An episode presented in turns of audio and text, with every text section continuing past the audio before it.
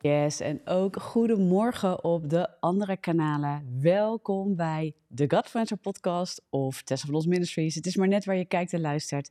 Maar als je hem later terugluistert op de podcast, welkom. Ik ben Tessa van Tessa van Los Ministries en ik ben ondertussen, we zijn altijd live hè, op maandagochtend 7 uur live te volgen. Later wordt het allemaal gepubliceerd.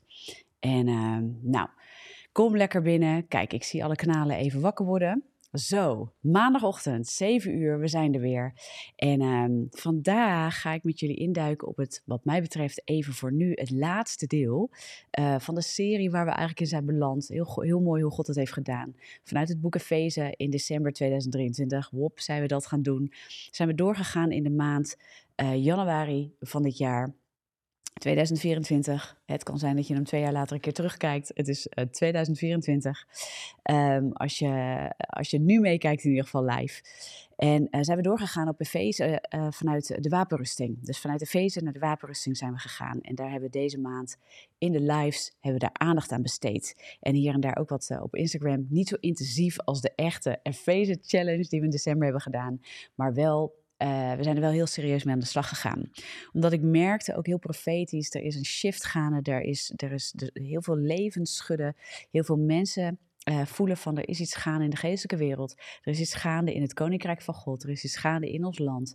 Um, en we zijn geroepen om eigenlijk daar als christenen ook op te mogen reageren met de geest, mee te mogen bewegen. Dus dat. Even een check. Is het geluid goed voor alles en iedereen? Laat me dat even weten. Dus YouTube, Facebook, typ even de comments. Geluid is goed of thumbs up. Uh, en ook bij Instagram mogen jullie dat even laten weten. En uh, daar zag ik net wat goedemorgens langskomen. Heel leuk. Fijn, dus we gaan er lekker induiken. En uh, nou, in de serie, dit is deel 4, hè, dus ik ben in januari begonnen eigenlijk met die wapenrusting om daarin te gaan duiken. Omdat ik ook eigenlijk zei van ja, weet je, dat is niet iets wat je figuurlijk aantrekt elke ochtend. Geluid is prima, hoor ik. Geluid is goed. Hey, super. Dank jullie wel, jongens. En meiden. um, maar weet je, het is, het is niet zo dat we dat... Uh, en dat is goed hoor, dat je het uitbidt. Dat je ochtends een soort van heel bewust de wapenrusting van God uh, uitbidt over jezelf. Dat is goed. Maar het figuurlijk aantrekken en dan niet weten wat je doet, wat het echt is, de wapenrusting van God. Ja, dan trekken we scheef. Dan ben je iets aan het doen wat, wat ik noem een lege proclamatie. Um, dan ga je iets roepen, maar weet je eigenlijk niet wat, je de, wat, wat hier staat.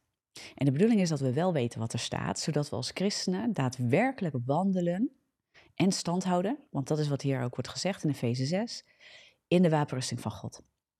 Dat is niet iets dat je zegt, nou, ik doe eventjes uh, denkbeeldig het uh, borstharnas aan en ik uh, doe denkbeeldig een schild omhoog en ik ga mijn dag in, terwijl je ten diepste niet weet. Maar wat zijn deze onderdelen van de wapenrusting van God nou voor mij? Wat houdt dat nou in? Uh, waar staan zij dan symbool voor? Maar wat is de daadwerkelijke werking? Waar komt dit vandaan? Waarom noemt Paulus dit zo? En als je het hele boek Efeze doorleest, dan werkt dat toe naar die wapenrusting. En daar staat al heel veel in. Nou, en ik ben met je al doorgegaan in de eerste delen. Dus um, omgord je middel met de waarheid, bekleed je met het borstharnas van de gerechtigheid, de voeten geschoeid met de bereidheid van het evangelie, van de vrede en het schild van geloof. Daar zijn we de vorige keer geëindigd als het goed is. En vandaag wil ik met je duiken in de helm van de zaligheid, of de helm des heils wordt het ook wel genoemd, en het zwaard van de geest en ook het bidden in de geest. Dus dat zijn nog drie dingen waar ik uh, met je doorheen wil. En ik heb ook al gezegd, als ik er niet helemaal doorheen kom, we zijn door de tijd heen, dan gaan we gewoon de volgende keer nog verder. Maar uh, we gaan hier wel verder induiken. En ik hoor zoveel uh, mooie getuigenissen van mensen die zeggen, oh, het gaat nu leven, het, er gebeurt iets bij mij. Um, vorige week kregen we ook berichten van mensen die daardoor bevrijding ervaren, die door waarheid eigenlijk in één keer komen tot, hé, hey, er leven bepaalde leugens in mijn leven. dat zien we dus heel veel in de lives gebeuren, dat er waarheid wordt gesproken die vrijzet, omdat dat mensen de waarheid gaan pakken. En dat breekt leugens af. En tegelijkertijd komt daar dus ook een bevrijding soms uit voort. Mensen echt denken, hé, hey, ik, was dus gebonden. Iets bond mij. En dat, dat hield vast op een leugen. Maar de leugen is ontmanteld en onmaskerd. En de waarheid heeft mij nu vrijgemaakt. En het kan mij niet meer binden. En hoe krachtig is dat? Dus dat is zoiets uh, super krachtigs wat waarheid doet. En daarom doen we dit ook. Dat je waarheid ontvangt. En dat je echt kan gaan wandelen. Het is omgord je middel met de waarheid. Daar begint dit stuk natuurlijk ook in. Zodat je kan gaan wandelen en dat het je vrijmaakt. En dat je dus in beweging kan gaan komen. Dus dat. Daar zijn we begonnen in, uh, in januari. Uh, en dit is de laatste, de laatste maandag van deze januari. En, en gaan we dus verder met, um, met onder andere de helm van de zaligheid. En ik vind het heel mooi, want we hebben het over het borstschild gehad. Hè? Het borstharnas, waarvan ik ook zei van ja, dat, dat, is dat zit heel dicht op je. Hè? Dus die, het begint eigenlijk met het omgorden van de waarheid, dat trek je op je. Het borstharnas trek je op je en dat zit heel erg bij de vitale delen. En dat beschermt dus ook je hart en wat er binnen in je leeft. Dat wat je gelooft, wat je werkelijk als waarheid hebt aangenomen en wat jouw leidraad is. waar Spreuken ook zei, dat heb ik toen ook aangehaald. Spreuken 4, vers 23, dat zegt: Bewaak je hart boven alles, want daaruit zijn de uitingen van het leven. Daaruit zijn de uitingen van het leven. En als we het daar niet recht hebben, dan, dan gaan we scheef trekken. Ook in de dingen van God. dus we kunnen wel zeggen, ja, ik vertrouw op mijn intuïtie, maar als je intuïtie, je hart, je binnenste, niet gevestigd is in waarheid, dan kan ook jouw intuïtie je gewoon lekker nog misleiden. En daarom zegt de Heer, leef uit geloof, niet uit gevoel. Want gevoel kan je nog steeds misleiden als je gevoel niet gefundeerd is in waarheid. En geloof, wat is geloof dan? Geloof is de waarheid van God aannemen boven al het andere, waardoor leugens worden ontmaskerd en worden weggewerkt uit je leven. Dat is wat het doet. En dan kun je ook het schild van geloof heffen als de brandende pijlen op je af worden gestuurd. Als je in een strijd komt, waardoor je kunt gaan zien op God. dus dan is ook Jacobus 4, vers 7, bied weerstand aan de duivel. Uh, dus richt je op God, dus je moet waarheid hebben, je moet geloof hebben, je hebt vertrouwen op Hem. Daarmee hef je het schild van geloof. dus daar zijn we de vorige keer geëindigd. En daarmee uh, kun je de branden, brandende pijlen van de duivel kun je afweren. Omdat je je richt op Hem, je biedt weerstand aan de duivel en hij moet van jou vluchten. Jacobus 4, vers 7. Heel mooie tekst. En dan gaan we verder. Neem de helm van de zaligheid en het zwaard van de geest, dat is Gods woord. En ik vind het heel mooi wat hier staat, want de helm van de zaligheid, het gaat ook over verlossing. Dus wetende waar onze verlossing vandaan komt, waar onze gerechtigheid en onze heiligheid vandaan komen, dat is namelijk niet uit eigen werken. Wij kunnen onze verlossing niet bewerken. Dat is een genade van God. Dat is ons gegeven van God. Dat is zijn genade aan ons. Maar vervolgens, wat je wel ziet, waar Efeze ook heel mooi over spreekt, wij zijn wel als wij verlost zijn, als wij hebben gekozen voor Jezus en we weten, daar is onze verlossing, daar is onze gerechtigheid, daar is onze heiligheid, dan zegt ook de Heer, ja, en werk deze verlossing nu uit in je leven. Je bent wel gemaakt voor goede werken. De Heer heeft reeds goede werken voor ons voorbereid. Dus wij bewerken niet onze verlossing door goede werken, maar door verlossing komen wij in goede werken. Want ons hart wordt vernieuwd, onze geest wordt vernieuwd, ons denken moeten we vernieuwen naar de geest en de waarheid van God. Amen, in zijn kracht. Waardoor we loskomen van leugens, loskomen van zonde, loskomen van alles wat niet uit de Heer is. Alle overtuigingen. Ja, en dan kom je los en kom je in de waarheid. En dan is het belangrijk dat we de waarheid kennen. En dat wij ook zeggen: luister, deze waarheid is mijn waarheid. Wat ik ook voel, wat ik ook zie, wat ik ook op me afkrijg. En ik heb mijn schild van geloof. Maar ik heb ook de helm van de zaligheid. Ik weet waar mijn hel vandaan komt. Ik weet in wie ik mijn vertrouwen vestig. Ik weet waar mijn verlossing uit is. Ik weet waar mijn heiligheid en mijn, gerechtigheid en rechtvaardigheid uit is. Dat is niet uit eigen werken, maar uit Hem. Maar in Hem ben ik nu gevestigd. Mijn identiteit is in Hem. En mijn denken wordt beschermd. Mijn wezen wordt beschermd. Mijn ziel wordt beschermd in Hem. Ja, ik heb een nieuwe geest. En de helm des hels, ja, de helm van de zaligheid van verlossing, die beschermt mijn denken. En dat beschermt mij er ook tegen dat ik denk dat ik moet werken voor mijn verlossing. Want als ik weet waar mijn verlossing vandaan komt, dan ga ik niet werken om mijn verlossing te verkrijgen of om de liefde van God te verkrijgen. Dan weet ik dat ik geliefd ben door God, dat ik niks heb gedaan om zijn verlossing te verdienen. Maar dan springt mijn hart op, wetende, kijkende naar Hem. En dan weet ik waar mijn hoop en waar mijn hulp vandaan komt, ja, in de strijd die ik te voeren heb.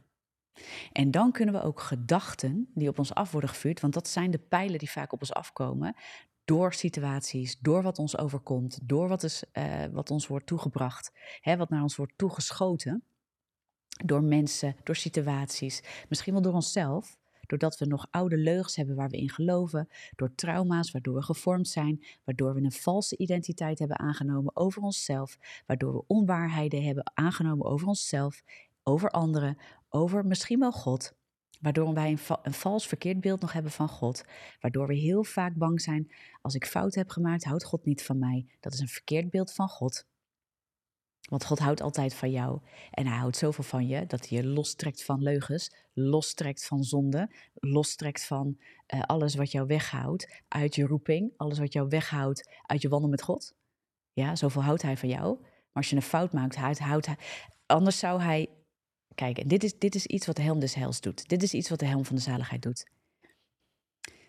Als werken van ons er niks aan kunnen toevoegen wat onze verlossing en de liefde van God bewerkt in die zin, kan het ook niet andersom.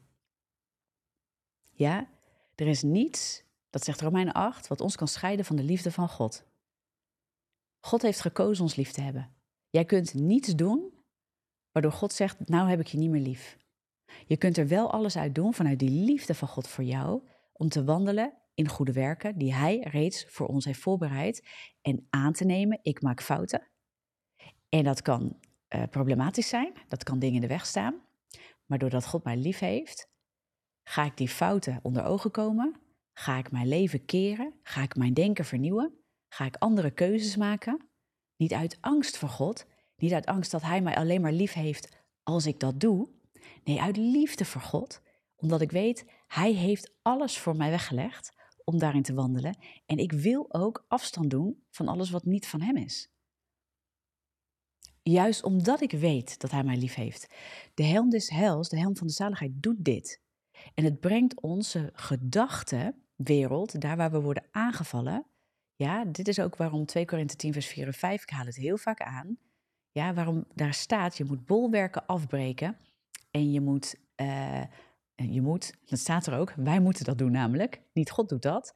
Maar door zijn waarheid aan ons te geven, kunnen wij dat doen. En, en zijn wij ook degene die dat moeten doen en daar eigenaarschap over moeten nemen.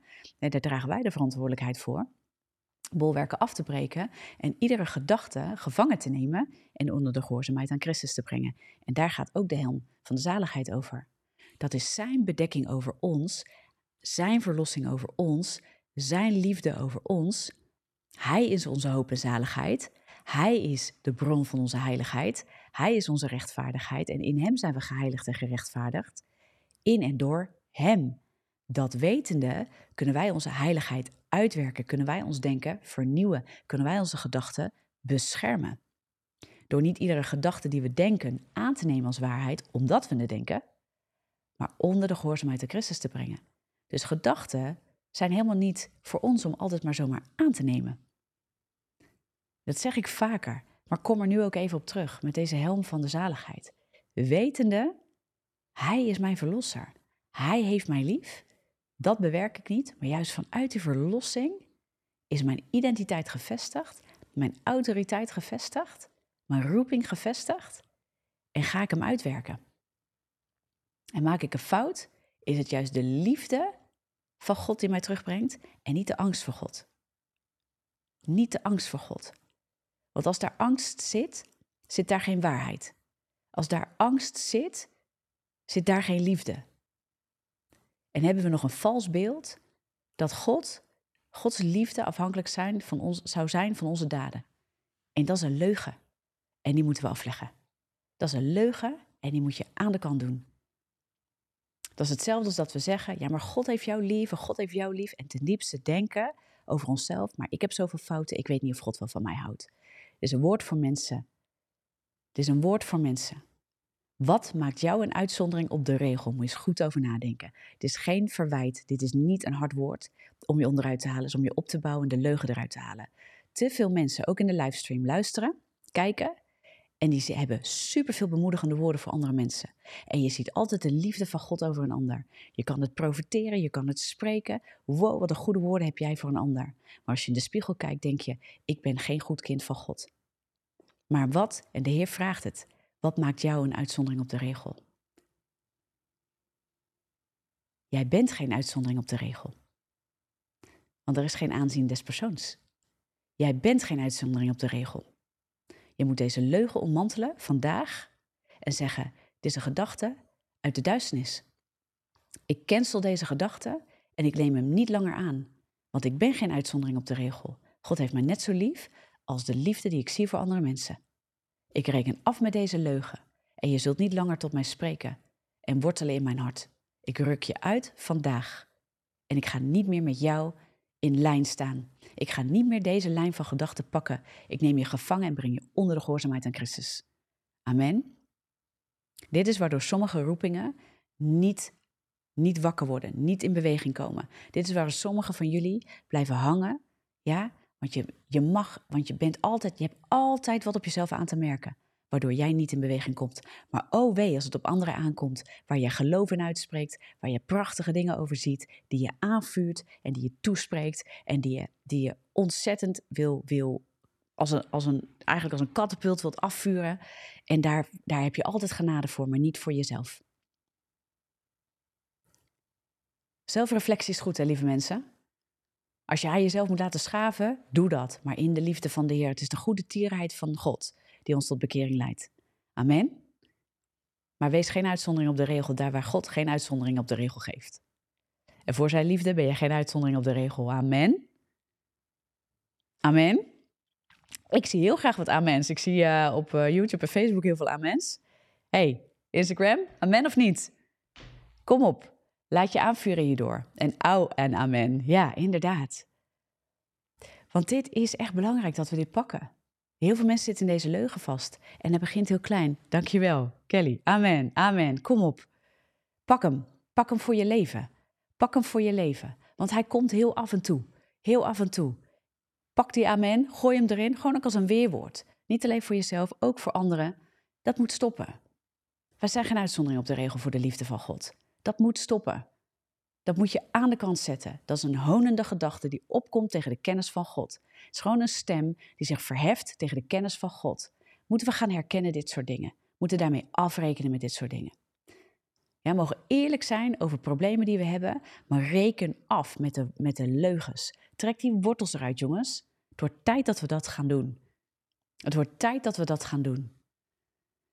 Weet je? En dan, vanuit de helm des heils, beschermd in je gedachten. Ja, je hebt heel de boel aangetrokken.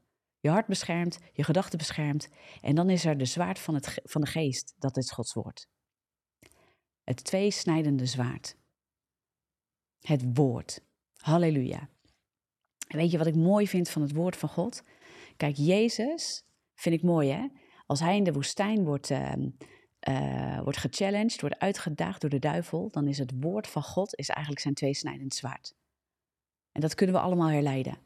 Ja, van hé, hey, weet je, we kunnen um, hier inderdaad, Agnes, heel mooi, opstaan, wakker worden. We moeten echt wakker worden, inderdaad. It's time to wake up. We gaan naar februari. Hop, wakker worden, jongens. We hebben wat te doen. Amen. En dan moeten we ook dat zwaard van de geest gebruiken en in ons hand nemen.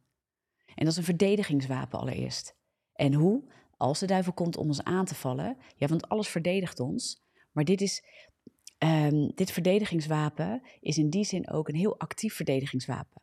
Want nu gaan we ons mond gebruiken om kracht bij te zetten aan de rest wat we, wat we aan hebben. Ons hart is beschermd, onze gedachten zijn in, onder de bescherming. Ja? We hebben het schild van geloof, onze, onze, onze ogen zijn gericht op de Heer Jezus. Ja? We wandelen in de geest, we wandelen in de waarheid. En dan, komen de, dan komt de aanval. En wat spreken wij dan? En dat is het tweesnijdend zwaard. Wat spreken wij? Maar niet alleen naar een ander en niet alleen naar de duivel, maar ook naar onszelf. Wat spreken wij over onszelf? Dus wat ik net zeg, je kunt voelen en denken ik ben een uitzondering op de regel, maar wat verkies je te spreken?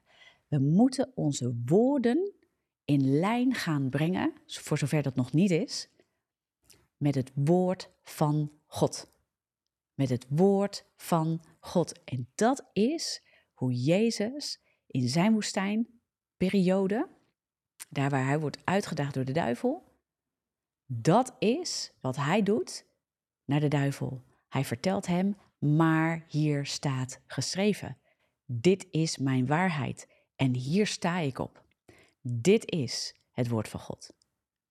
Amen. Ik zie net heel mooi Hebreeën 4 vers 12 langskomen en inderdaad, daar staat ook iets heel moois, want daar staat ook een andere werking van, um, uh, van het tweesnijdend zwaard.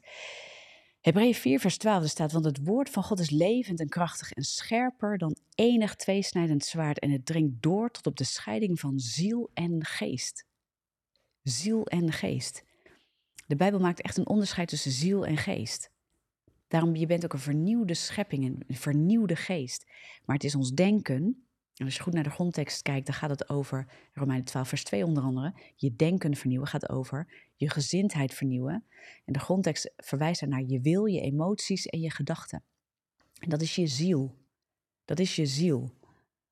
Dat verwijst naar je ziel. En het onderscheidt, of dat brengt scheiding en het dringt door tot, tot de scheiding van ziel en geest en van gewricht en merg. En het oordeelt de overleggingen dat waar jij allemaal over aan het nadenken bent en wat jij in je hart hebt leven, het oordeelt, dat vinden wij een moeilijk woord, ook in de christelijke wereld, ga ik zo opkomen. De overleggingen van gedachten en van het hart. De gedachten van het hart. Gedachten van het hart. Kan mijn hart gedachten hebben? Ja, jouw hart kan gedachten hebben.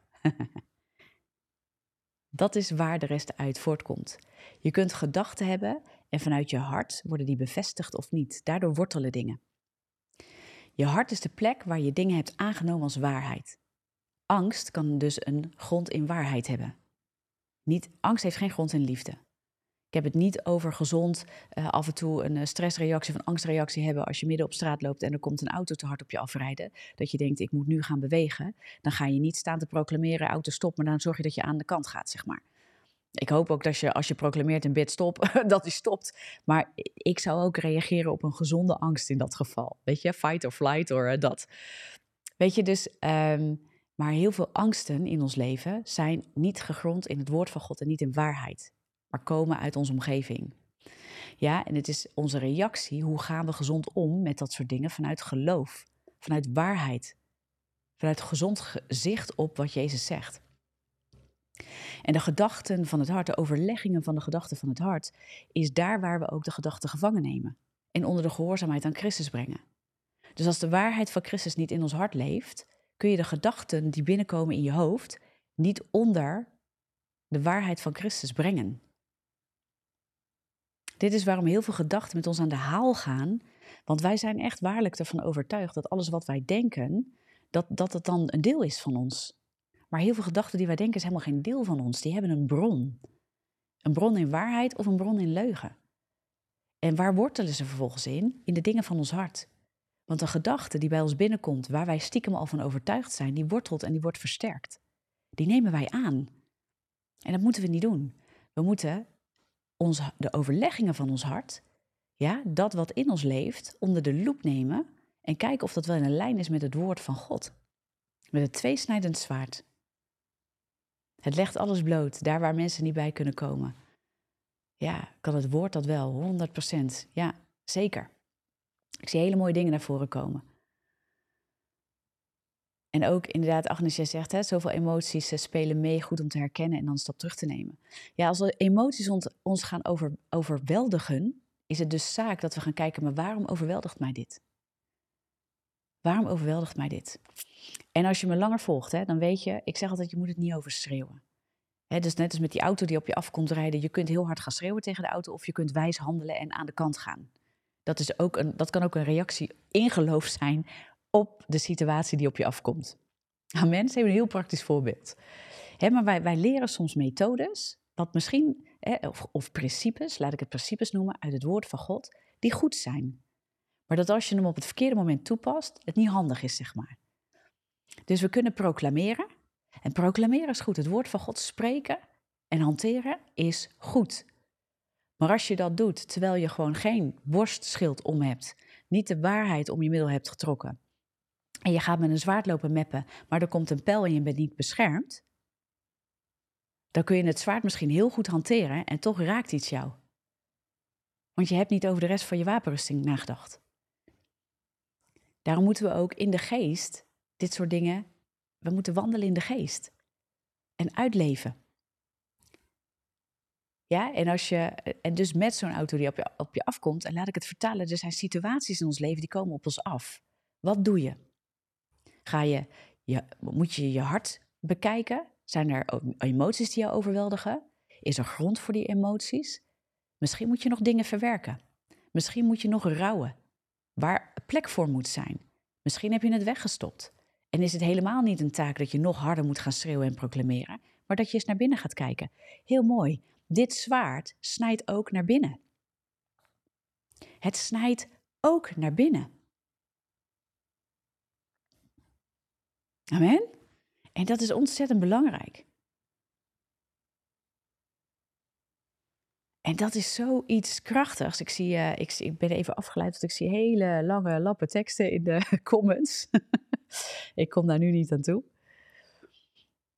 Wel een paar hele mooie dingen. Jij zegt, ik ben bang. Esther, Esther schrijft dat.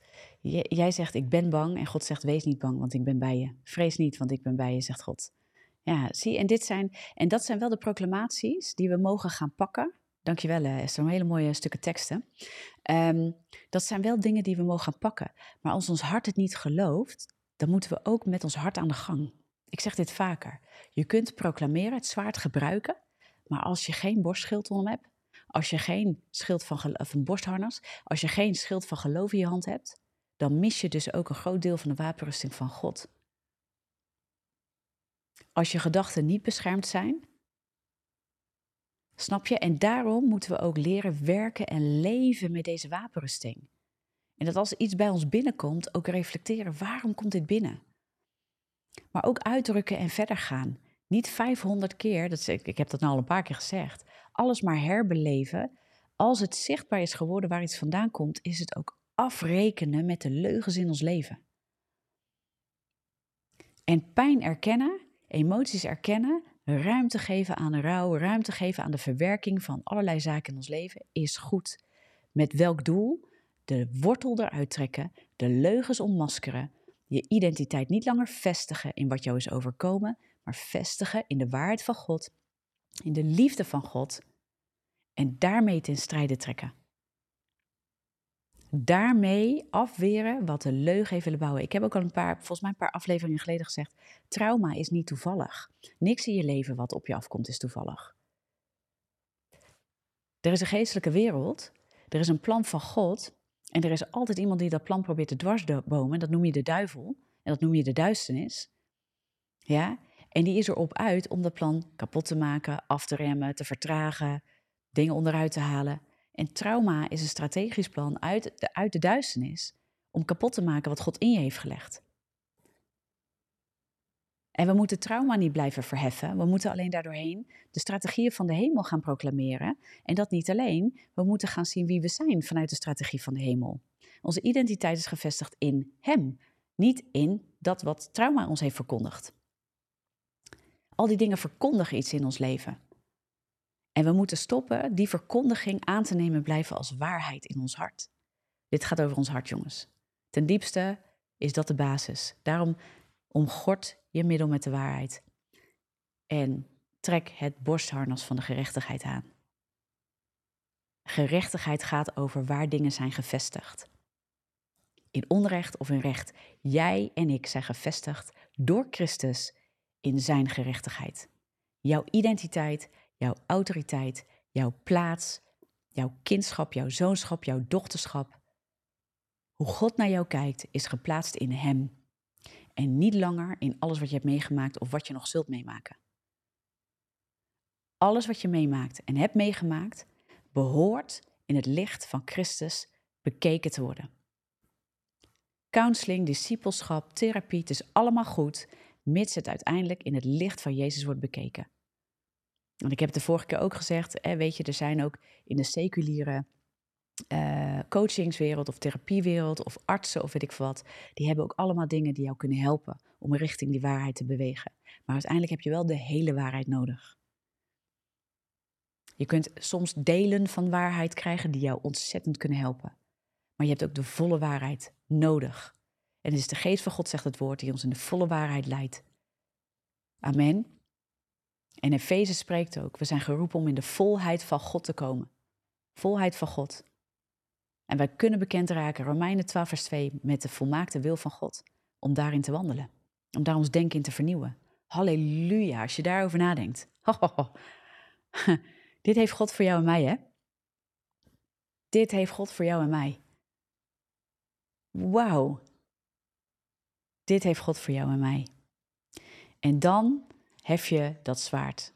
En dat zwaard, daar moet je het woord van God voor kennen. Maar dat niet alleen. Dit, is niet, dit gaat niet over verstandelijke kennis. Hiervoor heb je nodig dat je in de geest wandelt, dat je intimiteit hebt met Jezus, want Hij is het levend geworden woord. Hij is dat tweesnijdende zwaard in jouw leven. Openbaringen spreekt ook zo mooi over Jezus. Uh, als hij spreekt dat hij ook dat vlammende zwaard, weet je, dat dat zwaard uit zijn mond komt. Ik ga je even meenemen daarin.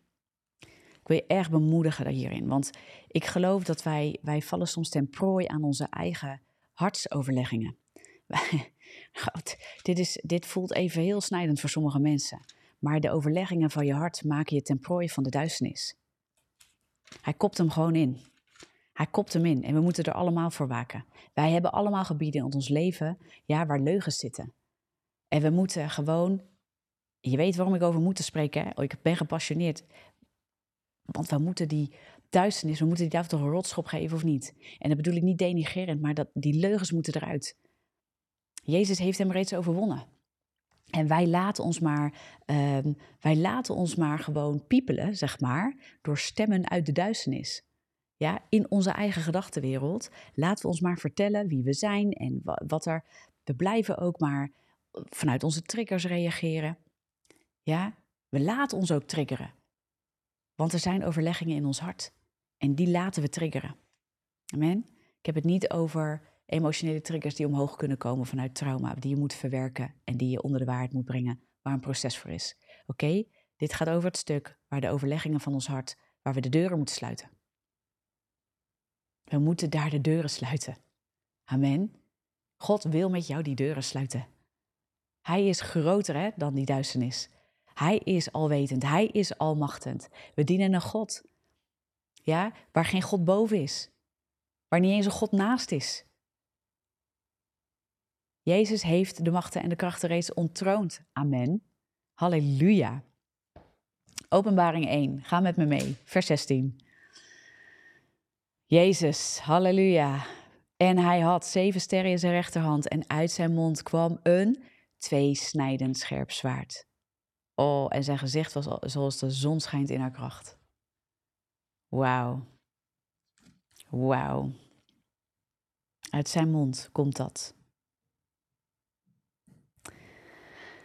En um, Openbaringen 2, vers 16. Bekeer u en zo niet, dan kom ik spoedig bij u en ik zal tegen hen oorlog voeren met het zwaard van mijn mond. Het zwaard van mijn mond. Wie oren heeft, laat hij horen wat de geest tegen de gemeente zegt. Ja. Het zwaard van zijn mond. Het snijdt, het is scherp, het doet zeer. We vinden het niet leuk, maar het brengt ook leven. Want het snijdt ons los van alle leugens, het snijdt ons los van de zonde, het snijdt ons los van alle valsheden, het snijdt ons los, het legt blote overleggingen van ons hart en het oordeelt dat. En wat oordeelt het?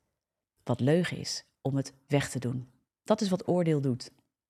Ik heb het niet over veroordeling, ik heb het over oordelen. We zijn geroepen om te oordelen onze eigen gedachten, als we die gevangen moeten nemen en onder de gehoorzaamheid aan Christus moeten eh, brengen, dan moet je dus oordelen of een gedachte goed is of niet. Leven brengt of niet, kan ik beter zeggen. Sommigen van ons zitten veel te veel in goed en kwaad. Zo kijken we ook de hele tijd naar onszelf en naar, naar mensen en dan worden we veroordelend. Daar ging het ook fout. Ja, men, Eva, Adam, ze aten van de boom van goed en kwaad. Waar zijn we voor bedoeld? Te eten van de boom van leven. In Jezus zijn we teruggeplaatst in de boom van leven is wat het woord zegt. Wij moeten dus kijken en oordelen wat geeft leven en wat geeft de dood. Zonde leidt tot de dood, want zonde is je doel missen. Waarom wordt, de, waarom wordt dat gezegd? Waarom is zonde je doel missen? Omdat zonde scheidt ons van God. Zonde houdt ons af van de wegen van God. En al waar Gods wegen niet zijn, daar is geen leven. En God wil alles in jouw leven tot leven laten zijn, tot leven wekken. Zijn opstandingskracht, zegt de Efeze, is in ons. Wij zitten in Christus gezeten in de hemelse gewesten aan de rechterhand van God. We zijn bedoeld om te spreken en te doen dingen van leven, goede werken. Dat gaat over onderscheiden oordelen wat is, wat is goed in de ogen van de Heer, wat leven geeft, wat in lijn is met Hem. Wat Hij spreekt, wat Zijn waarheid is. Duisternis wijkt daarvoor. En dus jij hoeft niet een aanvallende houding aan te nemen met je zwaard. Je hoeft alleen maar te verdedigen met je zwaard. Dit is interessant, wel op een actieve wijze. Want het woord komt uit je mond en je verdedigt daarmee wat Satan wil bewerken in je leven. Maar je hoeft niet proactief nog de vijand te gaan lopen aanvallen, want Jezus heeft hem reeds verslagen. Jij moet alleen in die overwinning gaan staan, in dat wat leven geeft. En daarmee weerstand bieden aan de duisternis, weerstand bieden aan de leugen en een oordeel durven vellen over wat leven brengt en niet. En wat spreken wij dan? Leven. Dood en leven zijn in de macht van de tong. Dood en leven zijn in de macht van de tong. Amen.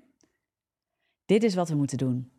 Wat we mogen doen, maar wat je eigenlijk gewoon moet doen als christen. Want je wordt er gewoon toe opgeroepen. Halleluja. Ik zie allemaal hele mooie berichten, jongens. Er worden echt mensen wakker, dat zie ik. Er worden mensen aangevuurd. Daar word ik helemaal blij van, jongens. Die, als die aanvuring erdoor komt. weet je waar ik van hou? Ik kan niet altijd overal op reageren. Hè? Ehm, en we gaan binnenkort, zat ik te denken, ook weer eens een QA doen. Dus uh, houd het ook even in de gaten. Want het, lijkt me mooi om na deze series, Efeze en uh, de wapenrusting, om gewoon even lekker te zitten met jullie.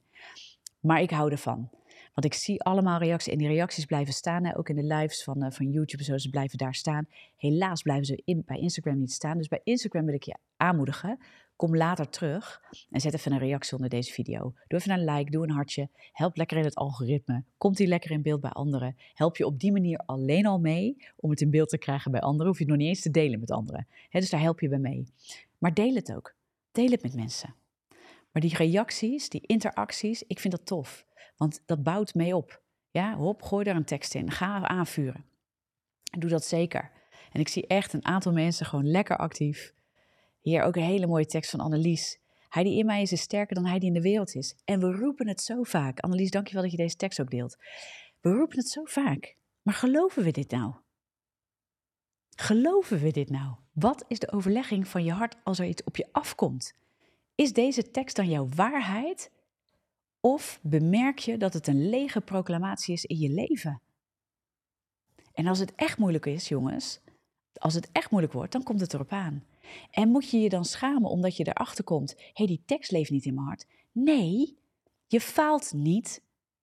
Maar je hebt nog wat te doen en je mag tegen de Heer zeggen: Heer, ik merk in deze situatie dat die tekst nog helemaal niet in mijn hart leeft. Wat ga je dan doen? Erop mediteren, erop kouwen, met de Heer daarin over bidden. En dan kom ik op het laatste stuk. Ja, ik moet heel even terug naar, uh, naar Efeze. Dan kom ik op dat laatste stuk. dus neem de helm van de zaligheid en het zwaard van de geest. dat is Gods woord. Want zo belangrijk dat je dus de waarheid kent. Terwijl u bij elke gelegenheid met alle gebed en smeking bidt in de geest en daarin waakzaam bent met alle volharding en smeking voor alle heiligen. Het woord, woord volharding staat hier. Wij denken als we één keer een gebed doen, als we één keer heel hard roepen, als we één keer proclameren. Maar het gaat over volharding. Strijd komt, lieve mensen. En strijd blijft komen. Maar onze oproep is vanuit het woord: blijf dan staan, houd dan stand. Ja? Neem daarom de hele wapenrusting van God aan. Efeze 6 hè, ben ik aan het lezen. Efeze 6, vers 13 is dit stukje. Opdat u weerstand kunt bieden op de dag van het kwaad en na alles gedaan te hebben. Hou dan stand. En dan in vers 18 staat, en dan sluit hij hem daar eigenlijk mee af. Terwijl u bij elke gelegenheid met alle gebed en smeking bidt in de geest. En in de geest is dus in relatie met Jezus. In de geest is ook bidden in tongen. Ja? En misschien moet ik daar ook nog eens een serie over doen. Ik krijg er wel eens vragen over. Bidden in tongen testen, hoe denk je daarover? Dat is van God. Dat is een van de gaves. En je hebt tongen met uitleg en je hebt tongen dat onszelf sticht. Romeinen 8 heeft het daar ook over. De Heilige Geest pleit met onuitsprekelijke verzuchtingen, geloof ik dat er staat. Even kijken of ik het zo snel kan vinden voor je. Prachtige tekst. Ik hoop dat ik het goed zeg, Romein 8. Even kijken.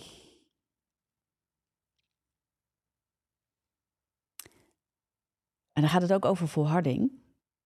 Hier, prachtige tekst. Romein 8, vers 25. Ja, dus we hebben het over wat hier staat. Hè? Maak even een loepje. En bid bij elke gelegenheid met alle. Uh, bid. Terwijl u met elke, bij elke gelegenheid alle gebed en smeking bid in de geest. Gaan we naar Romeinen 8. Ja, Romeinen 8, vers 25. Maar als wij hopen dat wij niet, um, wat wij niet zien, dan verwachten wij met volharding. Soms zien we niet wat, wat we in de geest weten. Daarom heb je de geest nodig, want God wil tot je spreken. Ja? Hij laat jou dingen zien en dan kan de, kan de omstandigheden en je emoties en je gedachten kunnen van alles vertellen, maar je ziet op de dingen van God. Ja? Daarom hebben we de intimiteit met God nodig, want als de Heer jezelf dingen vertelt, dan raak je overtuigd, op een gegeven moment weet je het zeker. Ja? En dan staat er dit. En dan verwachten wij het met volharding. En evenzo komt ook de geest onze zwakheden te hulp. Want wij weten niet wat we bidden zullen, zoals het behoort. De geest zelf echter pleit voor ons met onuitsprekelijke verzuchtingen. Ja, ook het bidden in tongen, ja, dat strek je daar maar naar uit. Ga God maar vragen. Want er wordt een deel beschreven, daar ga ik nu niet te diep op in, uh, maar iets wat onszelf sticht, ja, maar ook wat de gemeente kan stichten. En dan hebben we uitleg nodig. Ja, dan, als er dan in tongen wordt gebeden, als er een woord wordt, wordt uitgebeden, dan is er ook een vertaling. Maar de geest sticht ons ook. Als wij het niet weten wat we bidden zullen, mogen we de geest van God echt de hulp vragen om met ons te bidden. En dat kan heel, dat, daar komen de klanken uit ons mond, wellicht die je niet verstaat, maar in je geest wordt je gebouwd. En dit is wat de geest van God doet. Ik heb dit zo vaak ervaren, ik kan er zoveel getuigenis over vertellen. Wat het bij mij heeft gedaan. En wat het nog doet. En dan bid je in de geest en dan word je opgebouwd en dan komt er een kracht vrij. vrij. Maar we hebben het ook nodig dat we gesticht worden door de geest. Ja, waar we niet meer in ons verstand kunnen bidden, waar we het niet meer weten, niet meer zien zitten, is het de geest die ons te hulp komt. En de geest van God leidt ons in de volle waarheid en sticht onze geest. We worden daarin opgebouwd. Maar ook in de geest bidden betekent niet alleen maar in tongen bidden. Het, het betekent dat je vanuit de relatie met God bidt. Dat je van hart tot hart alles bij Hem neerlegt. Dat daar niks tussen zit. Jij je niet groot houdt, maar jij wel de waarheid zoekt van God in de relatie met Hem en Hem vraagt om openbaring. Weet je wat ik bid als ik het niet weet? Heer, open mijn ogen. He, wat Efeze ook zegt. Verlicht de ogen van het verstand. Geef mij wijsheid en openbaring in de kennis van U over deze situatie. Heer, laat mij zien de strategieën van de hemel. Laat mij zien de strategieën van de hemel. Want de duisternis wil mij een strategie laten zien. Maar ik wil alleen de strategie van de hemel volgen. In de machtige naam van Jezus. Amen. Dit, is eigenlijk het, dit eigenlijk wil ik met dit gebed gaan eindigen. Zullen we dit gebed doen? Schrijf hem uit anders later. Ja, maar dit is een krachtig en kort gebed. Dat is een krachtig en kort gebed. Heer, dank u wel vandaag. Waar ik ook in zit, waar ik ook ben, waar de mensen die luisteren en kijken, ook al luister je of kijk je later, waar je ook bent, wat de situatie ook zegt, wat de duisternis wil spreken tot je. Dank u wel, Vader, dat u ons leert dat u een God bent die ons verlichte ogen van het verstand van ons hart geeft, dat u ons in de volheid van uzelf brengt. Halleluja.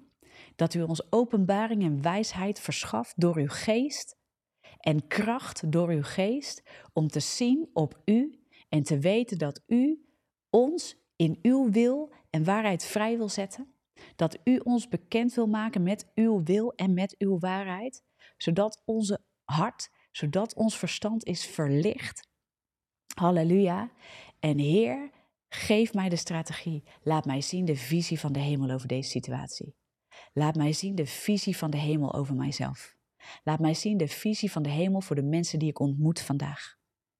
Spreek, Heer, de dingen van uzelf, zodat ik zie en kan brengen, het verschil kan maken in de levens van mensen, maar ook aanneem voor mijn eigen leven en dat het verschil daar wordt gemaakt. Dat de overleggingen van mijn hart worden geoordeeld naar uw geest en waarheid, opdat ik vrijkom van de leugens en kan bewegen in mijn roeping. Halleluja. En mijn roeping is ook de dingen van de hemel vrij te zetten bij anderen. Om uw woord, uw liefde te brengen, om Christus te brengen in de levens van anderen. Halleluja. En dat is wat ik wil, Heer. Wat er ook op mij afkomt vandaag. Laat mij zien de strategie van de hemel. Ontbloot de leugens, zodat ik me op u richt en dat mijn keuzes en de overleggingen van mijn hart bij u zijn en in lijn komen met u, zodat de duivel daar geen grip en geen vat op houdt. In Jezus' machtige naam. Amen. En daar stuur ik je mee deze week in. Daar mag je lekker op gaan mediteren. Ik zal zoveel mogelijk de teksten er mogelijk nog bij zetten ergens. Uh, want we hebben een paar hele mooie teksten doorgenomen. Maar mooie mensen, echt, pak die wapenrusting van God. En dan heb je nog een maand nodig en ga je hier weer doorheen en kijk je de video's nog tien keer terug, schrijf je het uit en maak je er een studie van. Doe dat, alsjeblieft, doe dat. Want het bouwt je op en je schudt en het schudt misschien nog harder, maar laat je nou niet onderuit halen.